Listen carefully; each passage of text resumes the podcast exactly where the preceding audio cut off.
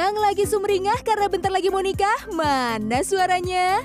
Buat yang belum bertemu jodoh, jangan sedih. Informasi dari Repop kali ini bisa jadi inspirasi loh. Masih ingat prosesi lamaran dan resepsi pernikahan yang satu ini dong? Yap, Minggu 13 Juni lalu, pasangan Lesti Kejora dan Rizky Bilar ini sukses bikin para penggemarnya baper. Bukan hanya karena kemesraan mereka berdua, tapi seluruh rangkaian prosesi yang terkesan mewah. Nah, salah satu hal yang mencuri perhatian adalah aneka hantaran atau seserahan yang dibawa pihak keluarga Rizky Bilar pada saat melamar Dede Lesti. Mulai dari perhiasan mewah, tas dan sepatu brand kelas dunia, makanan tradisional Thailand, sampai perlengkapan makeup. Tapi apa iya untuk prosesi hantaran harus barang-barang mahal? Apa kabarnya dengan pasangan yang punya budget pas-pasan ya? Ya, pernak-pernik hantaran atau seserahan ini menjadi hal yang penting ya dalam pernikahan, apalagi pernikahan adat di Indonesia nih. Ada yang barang-barangnya lazim, ada juga yang bikin mengerutkan dahi, bahkan mengerutkan dompet. Nah, memang apa saja sih syarat barang-barang yang harus ada dalam hantaran pernikahan dan apa pemaknaannya? Hantaran punya penamaan berbeda beberapa daerah. Namun pada intinya, hantaran merupakan hadiah yang diserahkan dari pihak laki-laki kepada perempuan dan tidak bersifat wajib seperti mahar. Bentuk dari hantaran pernikahan pun beragam. Untuk beberapa daerah di Indonesia, ada yang memberikan seserahan dalam bentuk kasur hingga lemari, tergantung dari permintaan sang calon pengantin wanita.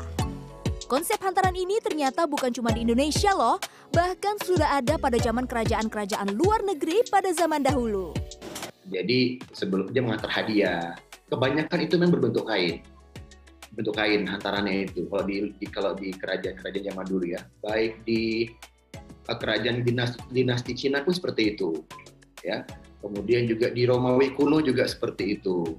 Jadi uh, kalau emas sudah pasti. Jadi kalau dibilang kapan sejarah dimulainya secara spesifikasinya tahunnya itu tuh nggak terdetek Selain sebagai doa dan harapan, hantaran atau seserahan juga sering diartikan sebagai simbol calon pengantin pria telah mampu memberi nafkah dan siap bertanggung jawab memenuhi segala kebutuhan pasangannya.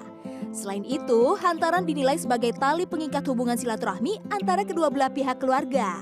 Kalau diperhatikan, hantaran biasanya diberikan dalam jumlah ganjil, bisa 5, 7, atau 11. Gak cuma itu, konsep seserahan memiliki pemaknaan doa dan harapan di setiap jenis pemberiannya. Seperti perlengkapan ibadah sebagai bentuk harapan agar rumah pulang. Seperti perlengkapan ibadah sebagai bentuk harapan agar rumah tangga yang dibina selalu dirahmati Tuhan. Lalu ada pakaian sebagai simbol untuk menutupi kekurangan pasangan.